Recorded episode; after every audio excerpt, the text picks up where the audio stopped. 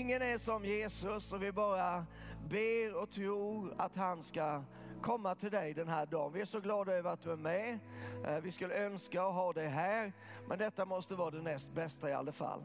Eh, och, och som sagt vad vi har bett och vi bara tror tillsammans med dig att trots den här distansen så vet vi att Jesus är nära dig. Så låt honom bara få betjäna dig den här söndagen.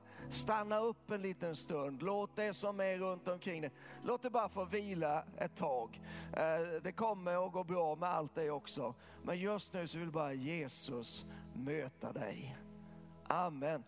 Tack ska ni ha underbara människor. Eh, jag ska dela lite Guds ord med er här idag och eh, Idag ska jag faktiskt tala om just detta. Jag ska tala om glas, nej det ska jag inte göra, men jag ska tala om, om det som är i glaset eh, och eh, vad det står för i Bibeln. Och eh,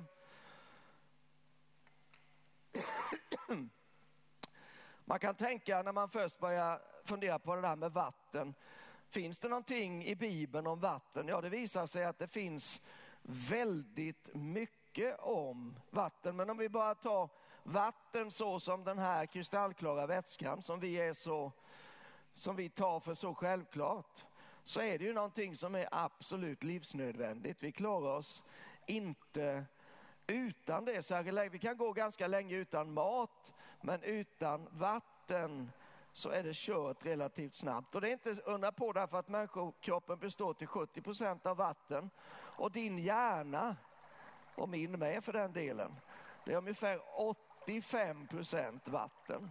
Så man kan typ prata om vattenskalle. Men det, då förstår vi hur, hur betydelsefullt vattnet är.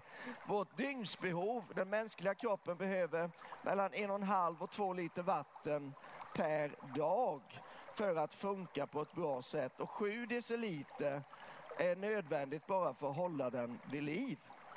Därför är vatten så viktigt att det är inskrivet tillgången till vatten. Det är inskrivet i FNs mänskliga rättigheter. Så det är ganska basalt behov. Och, och eh, det, det, finns självklart många anledningar till det, men en anledning är att 80 procent av tredje världens sjukdomar beror på just bristen på rent vatten. Och mer än 100 miljoner människor dör varje år på grund av detta. Men det är inte det som jag ska tala om idag, för jag är inte så bra på det där med kemi. Eh, utan jag håller mig till Bibeln, jag känner mig lite tryggare där. Och vatten som sagt var finns mycket eh, omtalat och på många olika sätt i Bibeln. Det nämns mer än 700 gånger. Så det nämns mycket mer än tro eller bön eller lovprisning och sådana här underbara saker som vi alltid vill prata om. Eh, Och det representerar ganska många olika saker. Det kan representera fiendens motstånd, men det kan också representera Guds liv, eh, Guds ordets renande förmåga och frälsningen som sådan. Eh, men framför allt när vi läser om vatten i Bibeln så eh, talar det om den helige ande.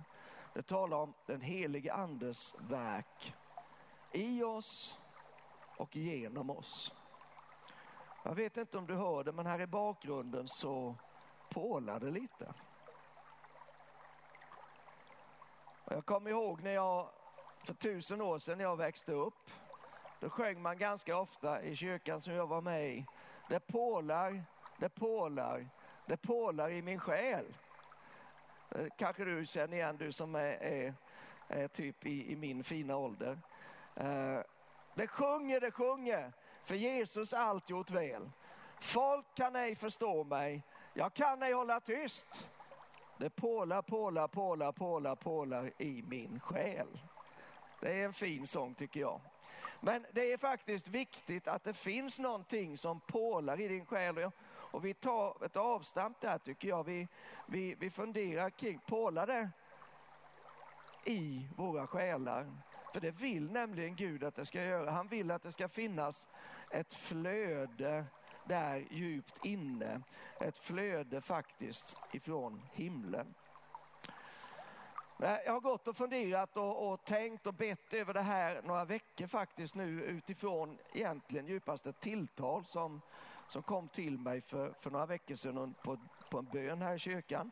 Och eh, då, då kom jag att tänka på eh, och det här är lite speciellt då för vår församling, men jag tror att det på ett plan är det absolut allmängiltigt. Men jag drog mig till minnes och jag tror att det var 1992. Jörgen, du får rätta mig om, om, om jag säger fel nu.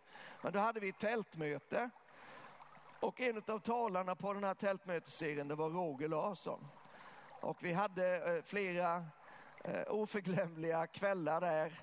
Några bröder fick eh, springa upp och slå med sina livremmar på torget. Och och um, det var spännande verkligen. Men en av kvällarna så um, bad Roger Larsson mig och Hasse Jonasson att vi skulle kliva fram. Så vi klev fram och, och så sa han, här, här är en källa, sa han. Nu får ni öppna den och vi stod där som fån och hur gör man då? Vi såg liksom ingenting. Ja, men ta, ta tag i och öppna nu, så vi fick böja oss ner. Vi kändes ungefär lika pinsamma bägge två tror jag. Eller kände jag mig för Hasse med. Och så öppnade vi den här källan. Och det hände ju inget särskilt så som man, ja, Roger Larsson, Gud välsigne honom, han har så mycket grejer för sig. Men jag vill bara, jag vill bara påminna om det där för att jag läste, jag läste i eh, berättelsen om Simson. Och det står om Simson, han, Guds ande kom ju över honom och han blev fullständigt vild. Där pålade det inte bara, där sprutade det kan man säga.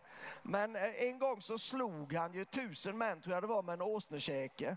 Men efter det så var han fullständigt slut. Eh, och när han, när han blev sådär slut så tänkte han, nu dör jag. Så han ropade till Gud. Och då öppnade Gud en källa, står det och där kunde Simson dricka. Och därför så kallas den här källan den ropande källa i Lei. Det står i, i domarboken 15 vill jag minnas. Och eh, då står det i, i samma vers där så står det och den källan finns än idag. Det vill säga om Gud öppnar en källa så finns där en källa. Och då tror jag att Gud har öppnat. Jag tror att på något sätt så när Hasse och jag gjorde det där, det hade någon eh, underbar betydelse. Så även om inte vi eh, blev blöta om fötterna och även om vi inte upplevde någon total förändring just där och då, så tror jag att Gud har öppnat en källa här. Och det har en viss betydelse därför att, vad blir det då? Tio år senare typ, eller kanske mer, 20 år senare, jag vet inte. Det blir nog snarare 20 år. Eh, så hade vi en gästtalare här i kyrkan. Enda gången han har varit här, han heter Andy Glover. Eh, en fantastisk broder. Och han som inte visste om någonting om oss eh, talade väldigt specifikt in i församlingen. Eh, så det var väldigt uppmuntrande. Men då sa han ett ord som särskilt har blivit kvar hos mig och hos oss under årens lopp. Och han talade om att det finns en källa här. Och att många, många, många, många, många ska komma hit och dricka. Jag har lyssnat på det där för det fanns inspelat så jag vet att det var fem gånger han sa många. Och tar man det i biblisk kontext så vet vi att, att när man upprepar någonting en gång så är det för att ge ett särskilt eftertryck åt det. Och det starkaste sättet att använda upprepning i Bibeln det är när man upprepar någonting två gånger. Helig, helig, helig är Herren Sebaot. Då, då vet man att heligheten är total. Här upprepades det fyra gånger, totalt fem då. Och då tror jag, jag tror faktiskt på det här ordet.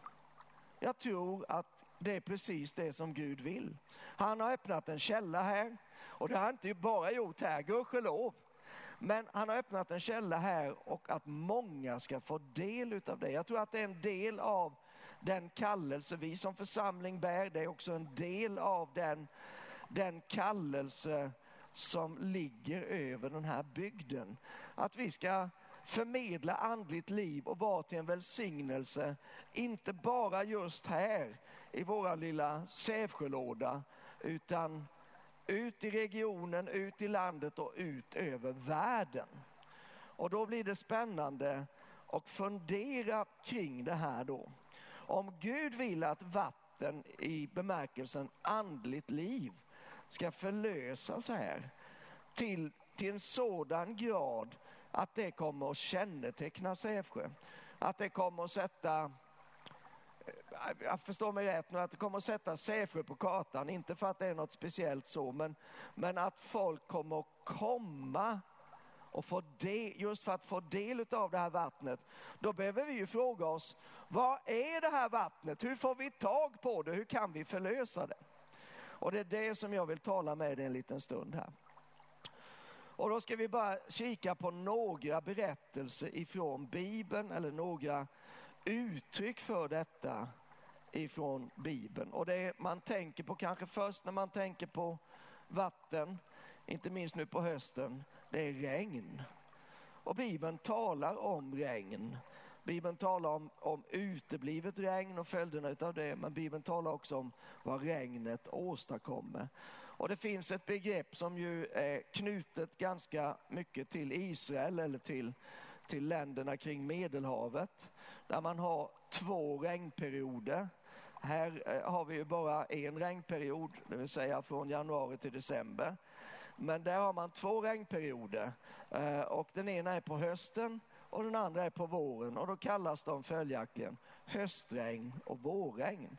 Och det här är ju bibliska begrepp. Du som brukar läsa i Bibeln tror jag känner igen det. Men vad regnet gör, det gör att det spolar bort det som är smutsigt, det spolar väck en massa skräp och därtill så vattnar det jorden och det skapar en explosion av tillväxt. Eh, och därför så tror jag att, att vi gör väl i att kika på vad säger Bibeln om det här med regn. Och då ska vi läsa först i Hoseas sjätte kapitel. I Hoseas sjätte kapitel så finns det i den tredje versen en uppmaning till oss som tror på Gud. Och det står, låt oss lära känna Herren. Låt oss sträva efter att lära känna honom.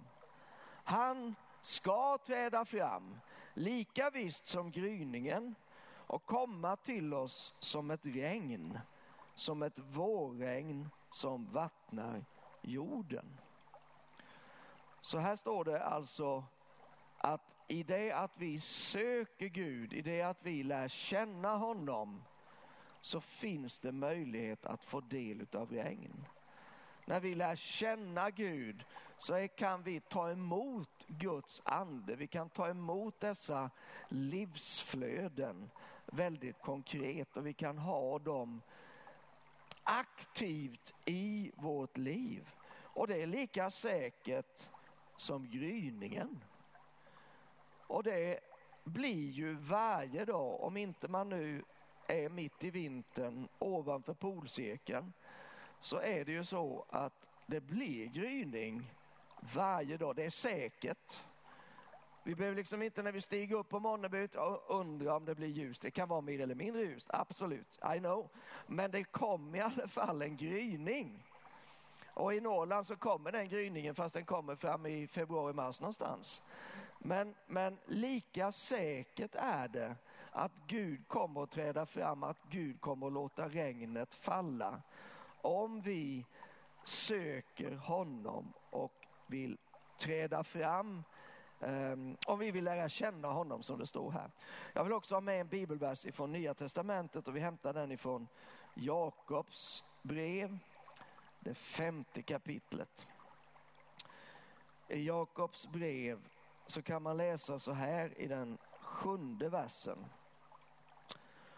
Jakob 5 och 7. Ha därför tålamod bröder tills Herren kommer. Han kommer lika säkert som gryningen. Ha därför tålamod bröder tills Herren kommer. Se hur bonden tåligt väntar på jordens dyrbara skörd tills den fått höstregn och vårregn. Och så ska ju också vi se oss. Vi ska se oss som bönder. Du kan säga jag är bilmek eller, eller jag är lärare. Ja, men du är också en bonde. Enligt Bibeln så är vi alla jordbrukare. Vi har fått en lott, en jordlott. Det är vårt liv, det är vårt hjärta. Där ska vi se till så att jordmånen är god. Där ska vi eh, låta Guds ord bli planterat och där ska vi också se till att vattna. Eh, och där kommer det att växa upp en skörd. Men sen kan man också, och behöver ta det i en större bemärkelse, församlingen är också en bonde. Guds folk är bönder per definition. Och vi är satta här att bruka jorden runt omkring oss. Det är människorna som finns i vår närhet och, och, och också långt borta ibland. Och vi ska se till så att vi får så in Guds ord djupt in i god jord också i deras liv. Och så ska vi förvänta oss en skörd. Och det står om den här bonden. Bonden väntar tåligt på jordens dyrbara skörd. Och det gör vi också. Vi väntar tåligt på att många människor här i den här stan, här i vårt land ska få möta Jesus. Ska skördas för himmelriket. Men då behövs det regn. Regnet måste falla för att skörden ska kunna bli vad Gud vill att den ska bli. Och därför så är, är ju, använder vi ofta talet om, om regn då. Vi använder det som en bild på ett andligt skeende. Att Guds ande regnar ner över människor, över städer, regioner eller kanske till och med kontinenter. Och så kommer liv på grund utav regnet. Jag har, har har varit i, i Afrika ganska många gånger. Det är nog mitt bästa exempel. Och jag har varit där när det är torrtid. Uh, och så har jag haft turen att komma, jag har varit där också när det har varit regntid, absolut. Men jag har haft turen att komma precis i, i skiftet ibland. Och i det där skiftet så kan det, där regnet inte har, ännu har kommit, så är allting torrt, allting dammar. Man är röd utav den Afrikas röda jord. Överallt invändigt till och med. Men så faller regnet och på bara ett par dagar så tänker du, jag är i en annan del av världen. Men du är på samma plats. Därför att regnet bara förlöser en explosion av liv. Ingenting blir sig likt. Liksom här är bara trampad jord, det är stenhårt, det känns som att gå på ett berg. Men där, så bara skjuter det upp en massa grönt, grönt, jättegrönt gräs. Och det är regnet som gör detta. På samma sätt så vill Gud att det ska regna från himmelen. Inte ett vanligt vatten, men att det ska regna utav Guds ande ska bara falla ner. Och vi vet det finns ju exempel i Bibeln där det står om att, att Guds ande föll över människor. Guds ande föll över Saul i gamla testamentet och han blev förvandlad till en annan människa. Guds ande föll i Caesarea när Petrus predikade. Medan han ännu predikade så föll Guds ande över alla de församlade. Så, och det, det, det, vad heter det? det korrelerar ju med samma tanke att någonting kommer ner ovanifrån. Och det är också detta som Joels andra kapitel talar om. Vi har, vi har läst mycket i Joels andra kapitel de senaste veckorna därför att vi tror att det på, på olika sätt pekar mot den tid som vi är i. Eh, och vi ska inte göra det nu, men jag vill bara citera Joel 2 eh, och vers 28 och 29. Där det står så här, det ska ske därefter att jag utgjuter min ande över allt kött. Era söner och era döttrar ska profetera, era gamla män ska ha drömmar och era unga ska se syner. Ja, över tjänare och tjänarinnor ska jag i de dagarna utgjuta min ande. En del kanske säger, ja men det där, det där ehm, fullbordades ju på den första pingstdagen. Ja och nej. Det, det, gjorde det absolut, men jag tror att det var höstregnet. Jag tror att det var den första andutgjutelsen, men sen har det kommit många vårregn efter det. Eh, och nu väntar vi ett nytt vårregn. Ett, vår, ett andligt vårregn kan falla på hösten.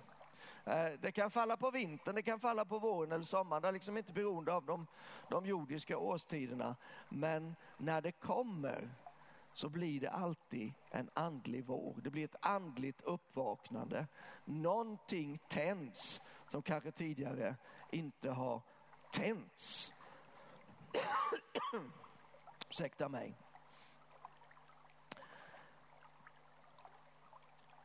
En bibelvers till.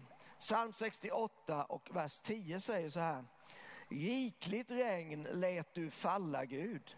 Din trötta egendom gav du kraft. Jag har inte sett den här bibelversen innan. Jag har säkert läst den många gånger för jag har läst igenom bibeln ofta. Men jag bara såg den nu häromdagen. Rikligt regn lät du falla Gud. Din trötta egendom gav du kraft. Kanske är en av lösningarna, eller egentligen det stora svaret på den trötthet som i, du lever ju självklart inte med det utan det är ju bara eh, några på Grönland och så jag. Men, men svaret på den tröttheten skulle kunna vara att Gud återigen låter det regna. Att andligt liv blir förlöst, att den helige ande utgjuts över våra liv. Jag tror att de, de allra flesta av oss kristna, vi vet att det här är precis nödvändigt och att nu behövs det mer än någonsin. Eh, och vi tror att det kan ske. Och vi tror att det är dags för detta. Och vi tror att det är dags nu. Och anledningen att vi tror det, eller om jag får tala för mig själv, det är att vi har faktiskt upplevt detta. Vi har upplevt att Gud har låtit det regna, att Gud har utgjutit sin ande ifrån höjden. Och när vi fick uppleva det, då förvandlade det våra liv. Det satte mig på spåret, det förlöste någonting som fortfarande lever så starkt inom mig. Som gör att även om jag är trött så är jag inte trött i alla fall. Även om det är segt så, så bryter jag igenom ändå. Varför? Därför att det har fallit ett regn över mig, ett regn som har påverkat mig för faktiskt för hela evigheten. Och det, det som hände då, det drog mig inte bara till kyrkan, det är jättebra att gå i kyrkan, men vet du vad, det drog mig till Gud. Jag kom nära Gud, jag fick möta Gud och det förvandlade mitt liv. Och då är ju frågan, kan vi på något vis påverka regnet? Kan vi få regnet att falla? Ja, jag tror absolut det. Ehm, jag vill bara nämna om, om en uppenbar ehm, möjlighet som är oss given. Och jag bara citerar Sakaja, kapitel 10 och vers 1 angående detta. Då står det så här, be Herren om regn i vårregnens tid. Herren gör åskmolnen, han ger människorna skurar av regn, gröda på marken åt var och en. Så när vi ber så påverkar vi förstås det andliga klimatet. Och i, eh, i, den, i den vanliga världen, eller i vår fysiska värld, så skulle vi föredra solsken. Eller hur? Men när det kommer till den andliga dimensionen, då behöver vi desperat att det regnar. Men Bibeln säger vi får be Herren om regn. Så låt oss göra det. Men vi ska, vi ska rulla vidare. Vatten kommer ner ovanifrån, men var, vad hittar vi mer vatten? Eh, jag drog mig till minnes, för några år sedan var jag inbjuden att träffa en samfundsledare från Zimbabwe. Eh, en fantastisk broder, eh, jättearbete med, med en massa människor. Eh, och eh, det var en välsignelse att få möta honom. Vi satt ner och pratade och han undrade förstås hur det var här. Ja, vad kan man säga om Sverige? Men, men jag försökte säga något fint om, eh, om vårt land i alla fall och så pratade jag om, började prata om bygden här. Och eh, pratade också om det kristna arvet som finns här. Eh, och då, då hörde jag faktiskt mig själv säga, jag blev, jag blev lite ibland så, så säger man saker som man kanske man har tänkt på det men man har aldrig formulerat det och när man säger det så, ja just det, så är det ju. Lite den känslan. Och då, då hörde jag mig själv säga så här. Här ligger väckelseorderna precis under ytan. Eh, och jag tror att det är på det sättet. Jag tror att det finns mycket vatten som ligger gömt under ytan. Och då måste vi läsa lite grann om Abrahams brunnar. Eh, och de hittar vi i ehm, Första Mosebok och det 28, 26 kapitlet. Där har Abraham lämnat över till Isak och på grund av hungersnöd så har Isak eh, flyttat lite grann på sig. Han har kamperat med filisterna men han blev för han blev för bra för dem så att han var tvungen att dra tillbaka. Och vi ska bara läsa några verser ifrån första Mosebok 26. Då står det så här från vers 18. Isak grävde på nytt fram de vattenbrunnar som hade grävts på hans far Abrahams tid men fyllts igen av filisterna efter Abrahams död. Och han gav dem samma namn som hans far hade gett dem. Så fortsätter berättelsen att tala om att de, först grävde de upp en brunn, men det blev strid med ehm, eh, herdarna från Gerar, som var filisteer då. Och då drog Isak vidare, så grävde de upp en ny brunn eh, och det blev strid om den med. Först var det Esek och sen var det Sittna. Men på tredje stället de grävde upp en brunn så blev det inget bråk och då, då kallade Isak den brunnen för Reobot som betyder utrymme eller bred plats. Men jag tänkte på när jag läste om de här eh, källorna så, så slog det mig några saker. Dels att det fanns, vad är, de kallas för Abrahams brunnar, vi kan börja den änden. De kallas för Abrahams brunnar, men vad är en brunn? Ja, en brunn är ju egentligen en källåder som är framgrävd. Eh, ni vet, det finns grundvatten. Vi, just gör vi det väldigt grundläggande här känner jag. Men det finns grundvatten eh, djupt ner i jorden ibland och ibland ganska nära ytan. Men det är inte alltid det kommer upp till ytan, men då man gräver så kan man hitta de här ådrorna. Och det fina med en källa, det är ju att det fyller alltid på. Men så hade då de här gripande människorna, filisterna, de hade varit och fyllt igen brunnarna. Men, och då drar jag några slutsatser av det här. För det första, källor behöver hållas öppna.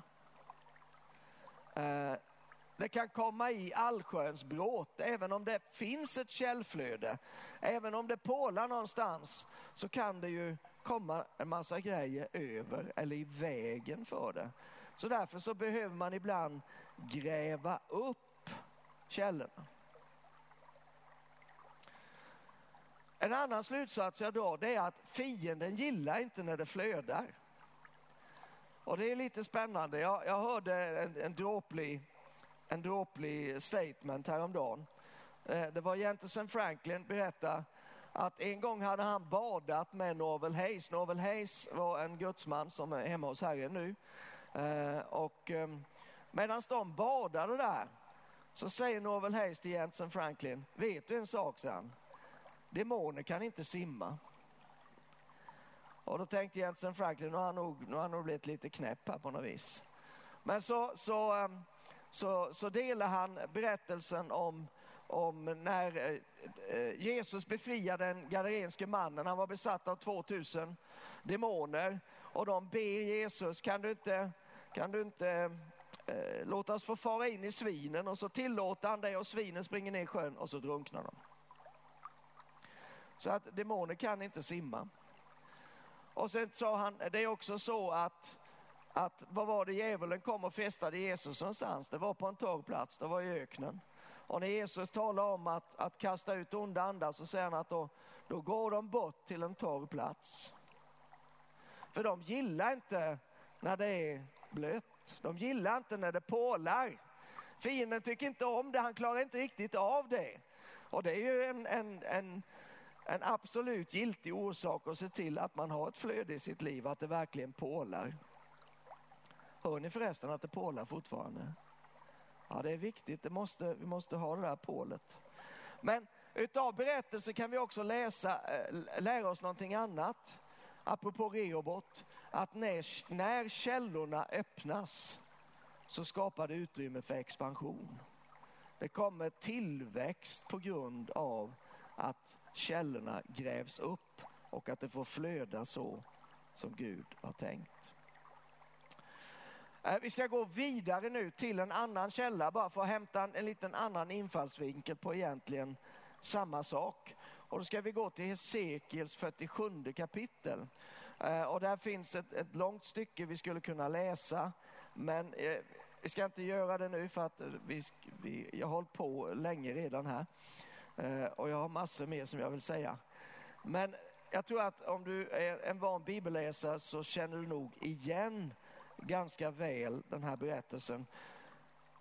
The big picture är att, att Hesekiel har en syn av templet i Jerusalem. Och han beskriver det under flera kapitel och sen han kommer in i kapitel 7 så eh, eh, 47, förlåt, så, eh, så ser han att det rinner ut en ström av vatten ut ifrån templet.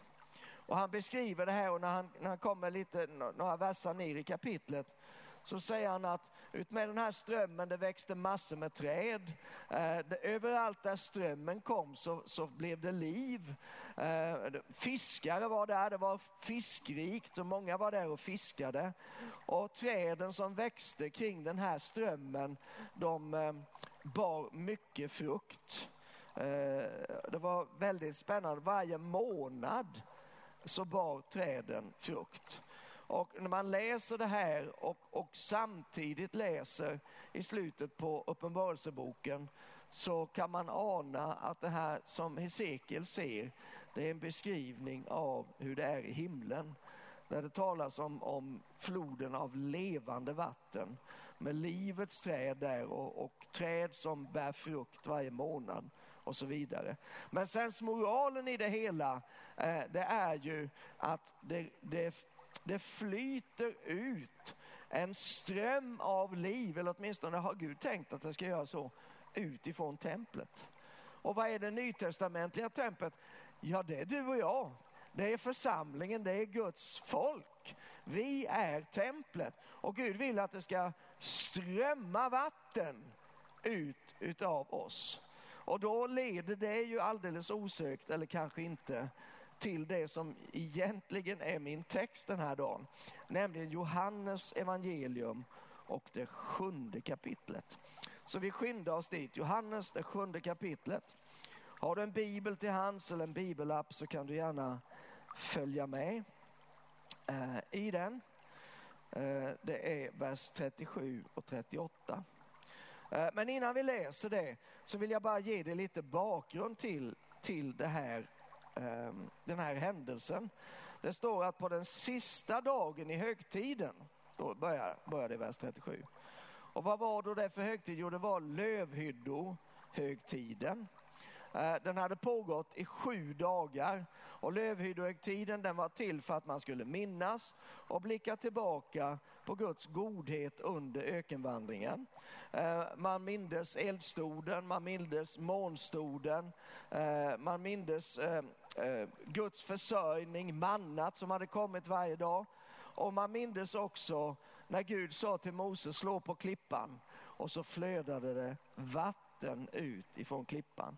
Man byggde lövhyddor och man bodde i dem trots att man hade hus. Så den veckan så bodde man i de här lövhyddorna bara för att påminna sig att våra förfäder, Gud tog hand om dem i öknen. De saknade ingenting. Han var med dem. Han ledde dem hit. Nu njuter vi välsignelserna utav det. Man hade fackeltåg, man hade vattenösningsceremonier. De här dagarna var fyllda av fest och sång, musik och dans på alla sätt. Och, och den här vattenösningsceremonin, det, det gick till så att man hämtade vatten från en källa som var strax utanför stadsmuren.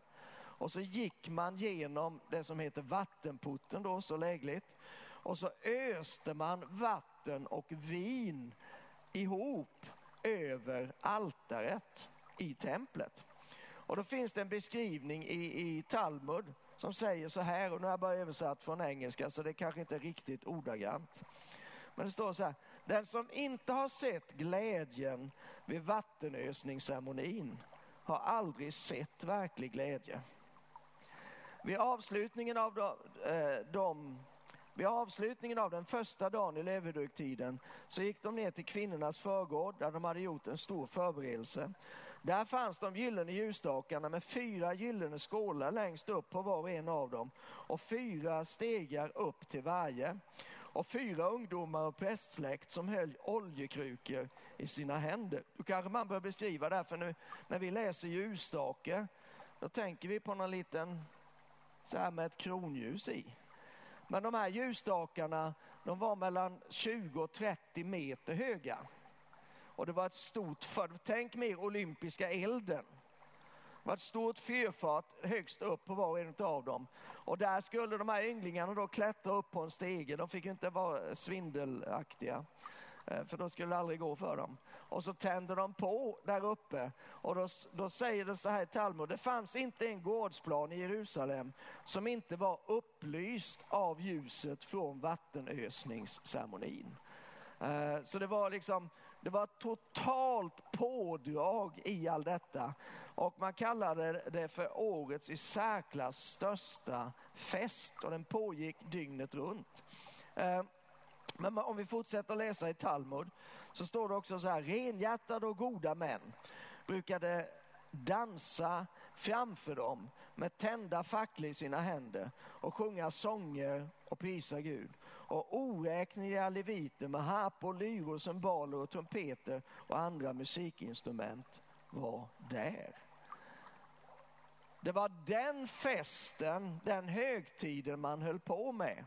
Och så kommer nu den sista dagen i högtiden och det var, nu, nu dividerar de lärde om, var det den sjunde eller åttonde dagen?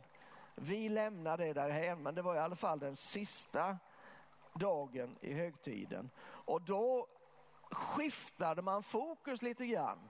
För då tänkte man inte bara tillbaka och tittade tillbaka på vad Gud hade gjort när han befriade dem i Egypten, utan man blickade istället framåt mot Messias, mot fullheten av befrielsen som man väntade att Messias skulle komma med. Det är där som Jesus kliver upp. Och då ska vi läsa Johannes 7 och 37. På den sista dagen, den största i högtiden, stod Jesus och ropade sägs lite, säger lite om intensiteten i det hela, eller hur? Om någon är törstig, kom till mig och drick. Den som tror på mig, som skriften säger, ur hans innersta ska strömmar av levande vatten flyta fram. Detta sa han om anden som de skulle få som trodde på honom. Anden hade nämligen inte kommit än eftersom Jesus ännu inte hade blivit förhärligad. Här säger Jesus någonting väldigt viktigt. Han säger att det finns vatten som kommer att vara och som nu är då deponerat i varje troende. Och han säger att det är strömmar av levande vatten. Det är nästan som att det finns en källa som är inbyggd i oss. Som innehåller livets vatten. Alltså när man talar om levande vatten, då tror jag att um, till exempel så, så läste jag i när Gud talar om löfteslandet i femte Mosebok så säger han att, att eh, det kommer inte vara som i Egypten eh, att ni får trampa upp vatten till era köksträdgårdar utan eh, jag kommer att vattna jorden och, och det kommer att Eh, flyta strömmar och då står det där levande vatten. Så levande vatten är alltså vatten som rör sig. Eh, sen kan man också förstå det i en ännu mer andlig betydelse. Men jag tror det är viktigt att vi, vi förstår att vi bär någonting inom oss som vi behöver förlösa. Det, det är lätt att bara gå och tänka om, om ändå det kunde regna från himlen. Ja, visst, det är underbart med regn. Men om vi har vatten, om vi har levande vatten varför inte förlösa det? Kanske är det till och med så, det skulle kunna vara så, att det är det som förlöser regnet från himlen. Men låt oss bara hålla på en liten bit till här. Eh, för vad är det som Jesus eh, säger när han säger de här orden? Jag tror att han säger så här, vi behöver vara törstiga och vi ska, vi ska landa i det alldeles strax. Men vi måste också förstå att det här vattnet det finns hos Jesus. Han säger kom till mig och drick. Och vattnet som han erbjuder det är levande vatten. Det är samma eh, sak som han lovar kvinnan vid Sykars brunn. Några kapitel tidigare, kapitel 4. Han säger att, att jag har levande vatten att ge. Den som dricker av det vattnet kommer inte att törsta igen. Vad betyder det att man får en klunk och så behöver man inte mer? Nej, det betyder att det är levande, att det kommer att fortsätta att flöda. Om man bara vill att det ska flöda, om man inte tillåter en massa saker och täppa igen flödet, så kommer det att flöda. Och han säger också, inte minst tycker jag det är härligt, det ska strömma fram. Det är inte bara eh, liksom ett, ett litet, ehm, en liten rännil utan det är en ström som Jesus lovar. En ström av liv ska flyta fram. Men jag vill sluta med att läsa, det finns många bibelord på detta men vi ska bland annat ha med Jesaja, det 44 kapitlet. För det är lite extra dyrbart för mig för när jag för några veckor sedan så talade jag om väckelsen som en möjlighet eh, här och nu. Och då illustrerade jag bland annat det med berättelsen om väckelsen på Nya Hebriderna som var mellan 1949 och 1952 ungefär. Eh, och där var ett bibelord som låg till grund för den väckelsen. Och det var just ifrån Jesaja 44. Så därför så ska vi eh, läsa ett par verser där när vi nu avslutar med att tala om att det är nödvändigt att vara törstig. Jesaja 44, vers 3. Jag ska utgjuta vatten över det som törstar och strömmar över det torra. Jag ska utgjuta min ande över dina barn, min välsignelse över dina avkomlingar så att de växer upp bland det höga gräset som pilträd vid vattenbäckar.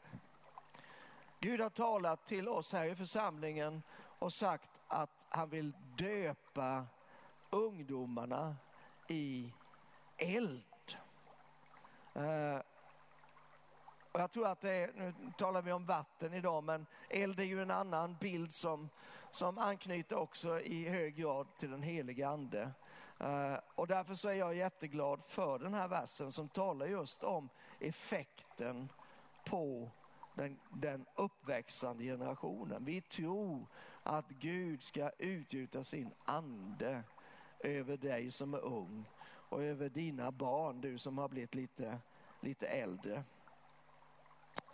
Men apropå detta med att vara törstig. Jag vill bara nämna några, några eh, verser till lite snabbt.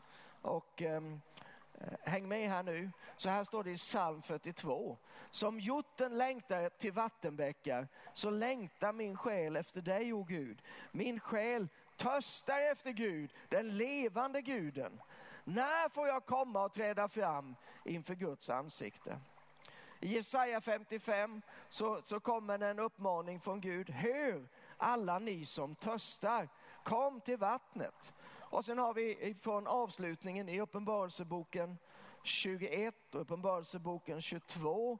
Men vi kan nöja oss med att läsa den ena av dem, 21 och 6. Sen sa han till mig, det har skett. Jag är A och O, begynnelsen och änden. Åt den som törstar ska jag fritt ge ur källan med livets vatten. Törst är så otroligt nödvändigt.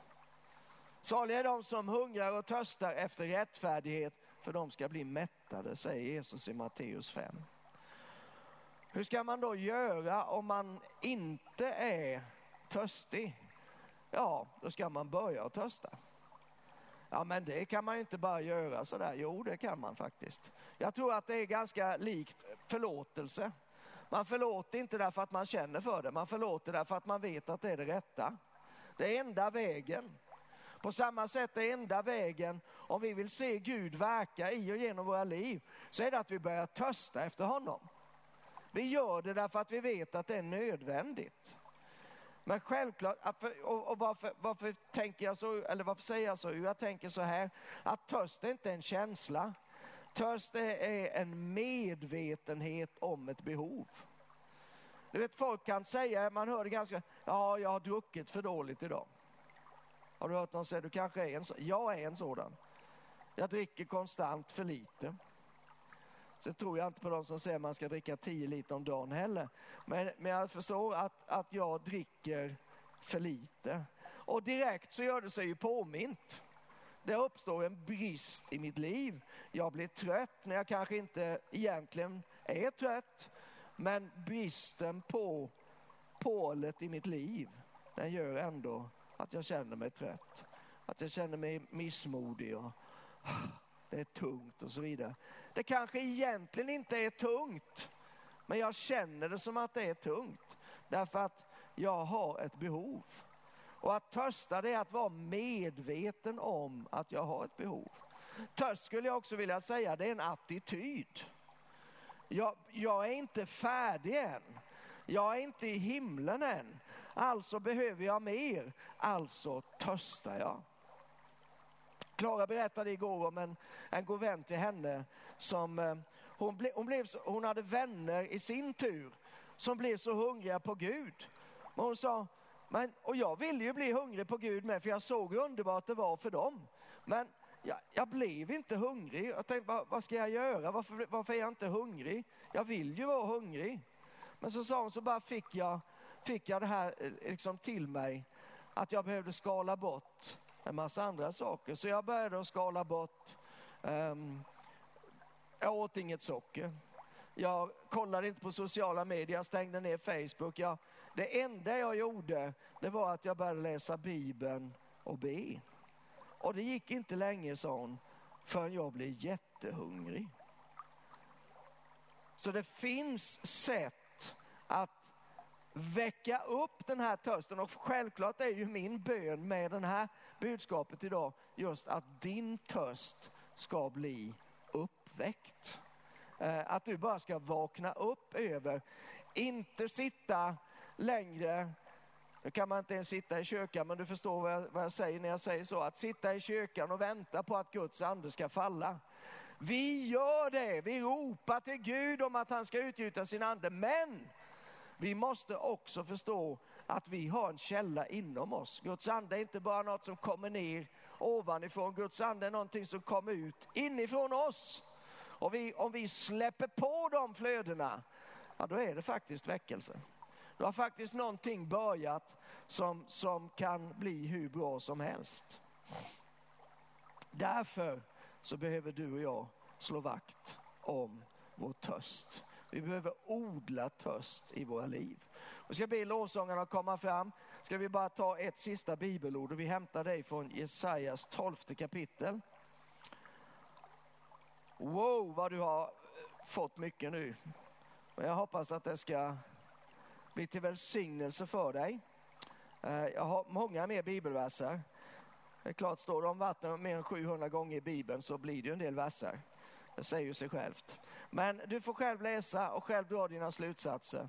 Men i Jesaja kapitel 12 så står det så här, vers 3. Med fröjd ska ni ösa vatten ur frälsningens källor. Här tror jag finns ytterligare en nyckel för att få upp törsten i sitt liv. Det är att man börjar ösa ur frälsningen. För frälsningen är så oändligt mycket mer än att bara bli räddad för evigheten. Precis som inte det skulle vara nog. Men det är så oändligt mycket mer. Frälsningen är inte en slutstation. Frälsningen är en start. En start på ett helt nytt liv.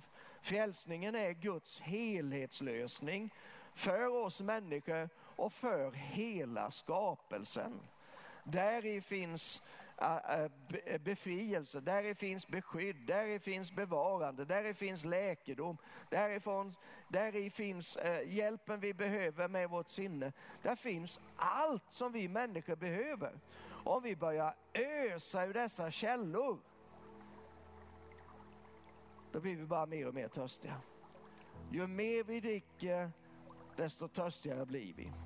Det kanske låter som ett dilemma, men det är väl ett underbart dilemma i sådana fall. Att, att för Gud vill släcka din och min törst. Vår längtan efter honom, vår passion för honom. För det är bara han som kan göra det. Bibeln varnar för att ösa ur världens källor. Att byta ut Guds källa och istället börja ösa vatten. Visst, det finns en massa källor. Men de källorna innehåller inte levande vatten. De innehåller smutsigt vatten. De påverkar oss, de gör oss sjuka, de försvagar oss, de förleder oss. Men vi får vända oss till Guds källa. Guds källa är fylld av vatten, säger Bibeln. Och där ska du och jag dricka. Och därifrån ska det flöda i våra liv. Och därför vill jag be för oss, jag vill be för dig, jag vill be för mig. Att dessa källflöden bara ska få bryta fram. Jag vill särskilt be om, om det är så att din brunn, ditt källflöde har stannat av. Att det har kommit i grejer som har täppt igen på något vis. Att du, du har liksom inte tillgång till det som du brukade ha tillgång till det. Det, det pålar inte längre i din själ. Då vill jag särskilt be för dig. Jag vill liksom på, på jag vet inte hur, men jag vill ta min andliga spade och bara köra ner den där och gräva fram det friska källflödet igen. Så Jesus, jag ber för var och en som är med på den här gudstjänsten. Var och en som får del av den. Jag ber Herre att det ska börja påla. Om det har slutat att påla, att det ska börja påla igen Herre. Jag ber Herre för dem vars källflöde på något vis har blivit täppt. Någonting har satt sig i vägen Herre. Kanske är det en upplevelse som gjorde att man blev besviken och, och, och undrar var, var du tog vägen någonstans här. Jag vill bara öppna dessa källflöden återigen. Jag gräver bildligt talat upp dem, precis som Isaks herdar grävde upp Abrahams brunnar, så gräver jag upp det i vars ens liv. Och Herre, därtill så vill jag bara gräva upp de andliga källflöden som finns här, i den här bygden, Herre. Jag tackar dig Herre för de ådrorna ligger inte djupt ner utan de har flödat och flödat igen och igen. Halleluja, gång på gång Herre, så har människor som har varit visa och hungriga och törstiga, de har letat reda på dem och de har grävt upp dem. Och Herre, nu bara ber jag att vi i vår tid, att vi ska kunna gräva och att vi ska hitta dessa källflöden. Halleluja, det andliga livet som bara strömmar fram Herre. Och jag ber Herre att det ska kunna sägas om var och en av oss precis det som Jesus erbjöd den där dagen för länge sedan. Att det ska, vi ska vara människor som förlöser strömmar av levande vatten ut till människor runt omkring oss. Ut till den plats där vi bor. Till vårt land, Herre. Ut till de förlorade. Gud, låt det strömma. Gud, låt det regna. Öppna alla källorna, Herre. Öppna källorna, vi ber om dig Herre. Sänd ditt regn. I Jesu namn. I Jesu namn. Halleluja. Amen. Amen, amen, amen. Tack Jesus för det. Vi ska sjunga någonting här och, och, och sen småningom så kommer Jörgen fram och ger oss ett bra avslut på det här. Gud välsigne dig som är med den här dagen. Eh, vi kommer att fortsätta be för dig. Vi kommer att fortsätta be för det som vi upplever ett andligt skeende här på den här platsen. Eh, och vi tror att vi kommer och precis som man, jag har aldrig med att säga det men du vet i sekel 47 så finns det en man med ett nät, mätsnöre och han utmanar hela tiden Hesekiel. Gå lite längre ut i strömmen. Gå lite djupare ut i strömmen. Och jag tror att du och jag, vi får precis samma utmaning av Herren den här dagen. Gå lite djupare ut. Jesus mäter ut ytterligare ett stycke där vi får ge oss ut på djupare vatten med målet att strömmen fullständigt ska ta över våra liv. Amen. Halleluja. Låt oss tacka Herren med någon sång här på något bra sätt.